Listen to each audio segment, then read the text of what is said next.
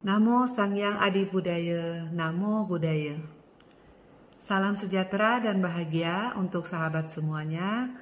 Terima kasih Aki sudah mengundang saya pada hari ini untuk ikut sharing di YouTube channel Ki Ananda.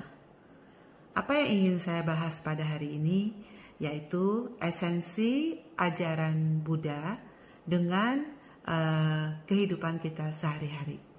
Buat apa sih kita itu beragama Buddha, buat apa sih kita tuh menjadi murid Buddha dan gunanya apa, e, manfaatnya apa buat kita ya. Oke. Jadi kalau yang kita pelajari esensi dari ajaran Buddha adalah membebaskan kita dari penderitaan. Penderitaan apa yang dimaksud?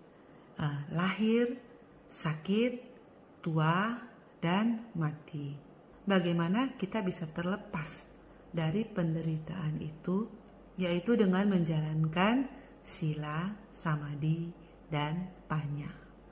Kita diajarkan bahwa kita pasti akan hidup ayu wano sukang balang kalau kita menjalankan sila.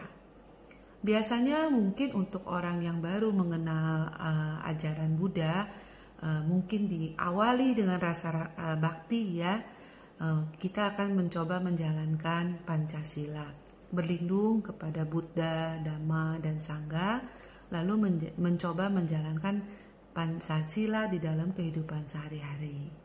Nah, dengan menjalankan sila ini, kita dikatakan akan hidup penuh dengan ayu wano sukang balang, yaitu uh, usia panjang, kecantikan atau ketampanan, kebahagiaan, serta kekuatan atau kekuas atau kekuasaan.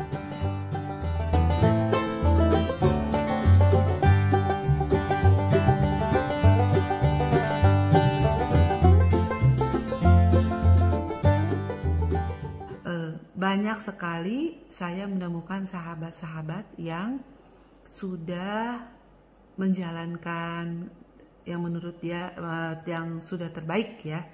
Uh, tetapi kok saya masih marah, kok saya masih eh, nggak uh, bisa menghadapi perasaan saya, kok saya masih uh, ketika ketika satu kejadian menimpa diri saya, saya masih tidak bisa uh, berpikir jernih seperti itu. Nah, untuk uh, masalah yang seperti itu kita diajarkan untuk mengatasinya dengan samadhi ya. Di dalam samadhi itu kita e, diajarkan untuk lebih mengenal diri kita meningkatkan konsentrasi kita supaya kita bisa menghadapi eh, masalah-masalah yang terjadi e, upside down kehidupan dengan lebih baik. Samadhi ini ada apa aja?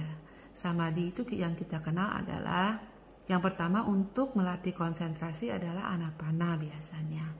Nah, anapana lalu ada juga e, meta bawana ya, e, cita kasih dan untuk menembus sampai mencapai pencerahan kita harus belajar yang namanya wipasana.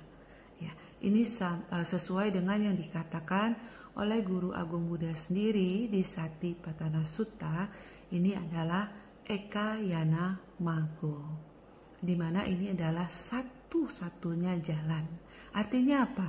Artinya kita semua harus meraih pencerahan kita sendiri dengan usaha kita sendiri. Ya, uh, dengan melakukan meditasi itu uh, kita benar-benar bisa lebih detail mengamati diri kita perasaan kita, pancaskanda kita, ya 12 mata rantai e, mental kita itu seperti apa. Jadi e, kita akan mengenal diri kita sendiri lebih detail. Nah, sila samadhi lalu panya. Panya itu berarti kebijaksanaan ya. E, atau yang biasa kalau di dalam tradisi yang saya pelajari itu ya wipasana itu sendiri gitu. E, kalau untuk orang-orang yang baru belajar seperti saya misalnya ya, mungkin diibaratkan anak TK ya, banyak sekali sekarang ya teknik teknik-teknik yang available di Indonesia. Indonesia itu sebenarnya beruntung sekali. Kita punya e, begitu banyak guru-guru besar yang mampir untuk mengajar di sini ya. Seperti kita ketahui zaman dulu e, kita punya guru-guru besar juga ya termasuk Dharma Kirti ya yang sangat terkenal di mana banyak orang-orang dari luar negeri yang mampir ke Swarna Dipa untuk belajar Buddhism. Nah, e, saat ini juga banyak sekali teknik-teknik yang uh, sudah diakui gurunya ya. Jadi memang benar benar maksudnya tekniknya itu bukan sembarangan ya. Karena untuk um, melakukan samadhi itu kita jangan sampai kalau bisa ya, jangan sampai salah guru ya. Karena kalau untuk orang apalagi yang uh, lebih serius ya, lebih serius ke meditasi, mau berlatih lebih dalam sangat penting sekali esensi dari ajaran, yaitu apa yang gurunya uh, berikan, bimbing, supaya kita bisa berlatih dengan benar. Apa sih yang kita bisa dapat dari berlatih meditasi? Wah, kalau ditanya manfaatnya, mungkin setiap orang eh, yang berlatih mendapatkan manfaat yang berbeda-beda ya dan manfaat atau kemajuan dari meditasi itu tentu saja sangat tergantung kepada eh, masing-masing eh, paraminya, wirianya, effortnya ya eh, semua usaha-usaha yang dilakukan itu semua sangat bergantung pada eh, masing-masing. Nah, Biasanya di dalam e, berlatih meditasi kita akan memulai dengan e, menenangkan pikiran dulu. Nah, menenangkan pikiran itu dengan apa? Dengan menguatkan konsentrasi kita berlatih biasanya anapana ya dengan e, memperhatikan nafas ya. Nah, e, teknik ini ada berbeda-beda ya jadi ada guru-guru besar yang meng, uh, mengawali dengan uh, memperhatikan nafas yang masuk, nafas yang keluar. Ada juga yang memperhatikan kembang kempis perut ya. Ada juga yang uh, memulai nafas dengan sangat keras supaya bisa uh, memudahkan. Perbedaan-perbedaan uh, itu uh, tergantung pada pembimbing atau guru besar masing-masing. Dan biasanya tujuannya sama yaitu untuk memudahkan si siswa untuk mulai uh, lebih berkonsentrasi uh, gitu. Untuk melatih pikirannya bisa mulai berkonsentrasi setelah kita berkonsentrasi ini juga ada beberapa ya macam ya ada yang langs, uh, terus terus sampai ke jana ada juga yang lalu melanjutkan dengan meditasi wipasana Nah, wipasana ini e, harus dilakukan bagi siapa pun yang ingin mencapai pencerahan atau nibbana. Seperti yang dikatakan oleh Buddha di dalam Satipatthana Sutta, ini adalah Ekayana Mago, yaitu satu-satunya jalan. Apa maksudnya satu-satunya jalan? Itu berarti bahwa kita semua harus bekerja untuk pencerahan kita sendiri. Kita tidak bisa uh, menunggu atau mengharapkan mujizat yang terjadi misalnya seperti Buddha menjemput kita atau mungkin Bodhisattva menolong kita. Nah, ini adalah salah satu hal yang perlu dikikis uh, untuk menjadi seorang sotapana ya. Jadi uh, kita semua uh, bisa mempunyai kesempatan yang sama untuk menjadi seorang yang tercerahkan. Itu yang Guru Agung Buddha katakan ya.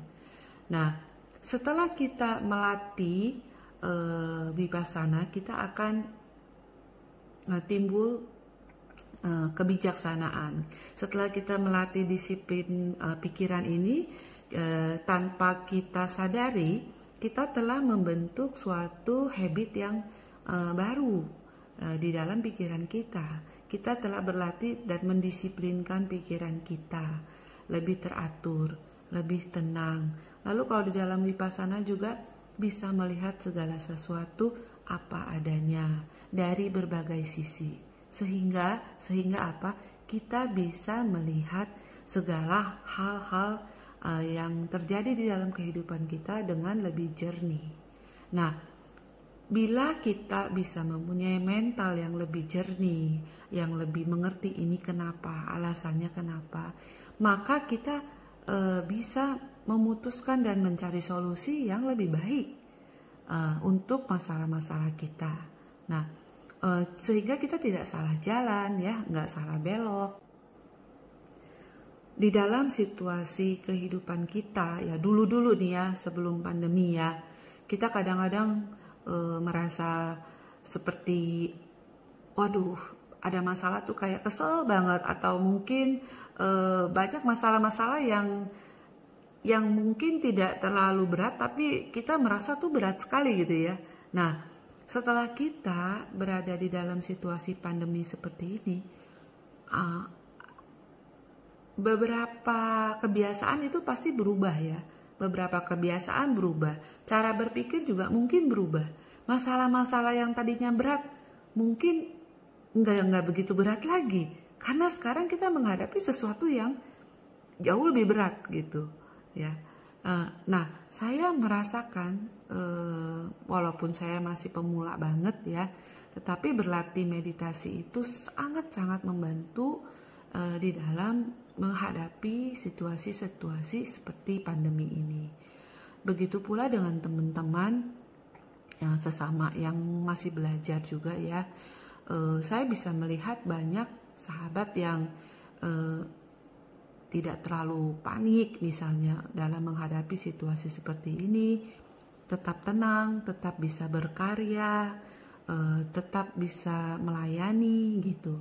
Jadi sangat-sangat membantu kita untuk dapat bersikap uh, tetap tenang uh, tetap bisa melihat sisi-sisi positif dari suatu kondisi dan tetap bisa berlatih serta melakukan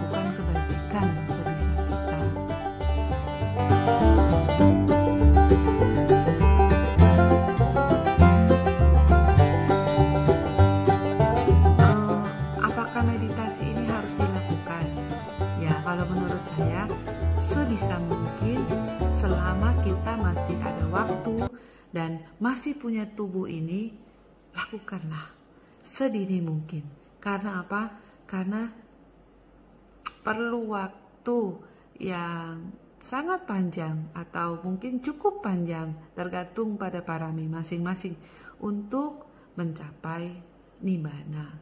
Dan untuk menempuh jalan itu kita perlu untuk nyicil ya kita perlu waktu untuk membentuk disiplin pikiran kita kita perlu waktu untuk mengerti uh, proses dari pikiran kita. Kita perlu begitu banyak waktu untuk mengenal uh, proses cara kerja pikiran kita dan cara kerja hukum alam atau dhamma itu sendiri.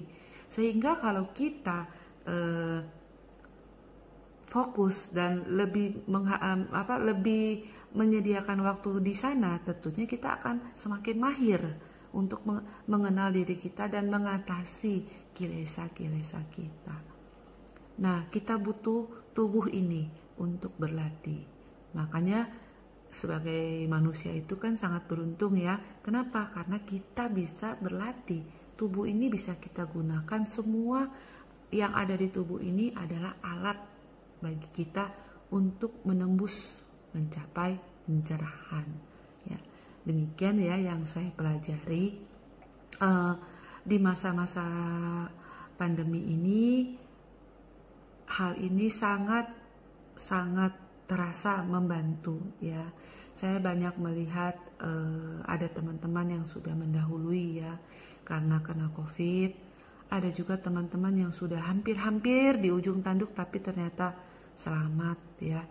Dan ada juga sahabat saya yang meditator ya uh, dia juga malah menggunakan menggunakan rasa sakit dan menggunakan penderitaan dia itu selama covid uh, sebagai bahan latihan dia.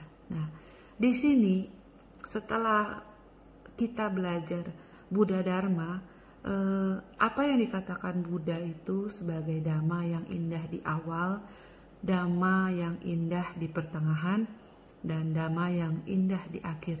Sungguh-sungguh nyata adanya.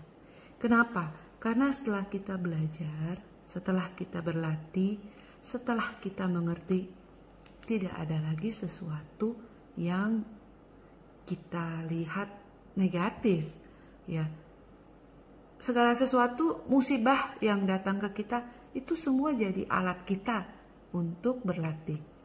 Uh, orang atau kejadian yang tidak menyenangkan terjadi, kita bisa menerimanya dengan dengan hati yang lapang dan kita bisa menggunakannya sebagai bahan latihan. Nah, setelah kita menggunakan seperti itu, kita maju satu langkah lagi kita lebih strong satu langkah lagi, lebih bijak satu langkah lagi. Jadi dengan seperti itu kita nyicil-nyicil sampai akhirnya kita harus menutup mata. Kita sudah tahu bahwa kita punya keyakinan yang sungguh-sungguh yakin tidak tergoyahkan terhadap Buddha, Dhamma, dan Sangha Lalu kalau kita sudah berlatih dengan begitu baik, kita sudah uh, melakukan semua dengan baik, ya, kita akan punya ketenangan yang cukup. Kita akan punya kesiapan yang cukup untuk melewati alam kematian ini. Dan kita akan terlahir ke alam yang baik pastinya karena kita sudah melakukan kebajikan-kebajikan ini gitu walaupun uh, mungkin kilesa kita itu sangkara kita itu masih numpuk masih banyak ya tetapi kita sudah gini satu langkah yang kita uh, ambil berarti kita sudah satu langkah lebih dekat ke pencerahan ke nibbana tetapi hebatnya ya ajaran dari Buddha adalah tidak perlu menunggu kita mati baru kita happy gitu. Tetapi dalam hidup ini, sekarang ini kita bisa berlatih, kita bisa merasakan kebahagiaan, ketenangan yang sesungguhnya dan kita bisa menghadapi uh, kematian dengan tersenyum, sakit dengan tersenyum. Segala uh, yang datang bisa kita hadapi dengan keikhlasan, dengan tersenyum sebagai bahan latihan kita gitu. Jadi saya merasa apa yang Buddha katakan dhamma itu indah di awal, di pertengahan dan di akhir. Hmm, setelah saya uh, mulai belajar sedikit tentang meditasi. Nah, saya rasa esensi dari ajaran Buddha untuk kehidupan saya seperti itu. Sehingga saya mendapatkan manfaat saya tuh nggak capek-capek belajar agama Buddha tapi hidup saya gini-gini aja gitu. Saya merasa ada perubahan, saya merasa akan kebahagiaan dan saya siap untuk menghadapi masa depan eh, juga masa kini tentunya ya eh, present moment dengan sebaik-baiknya dan saya sangat mengharapkan eh, saya juga masih bisa belajar terus menimba ilmu bisa terus berlatih. Semoga badan ini masih bisa terus digunakan untuk latihan dan semoga manfaat-manfaat dari ajaran Buddha ini dapat dirasakan juga untuk sahabat kalian eh, kalian amita sekalian. Terima kasih banyak.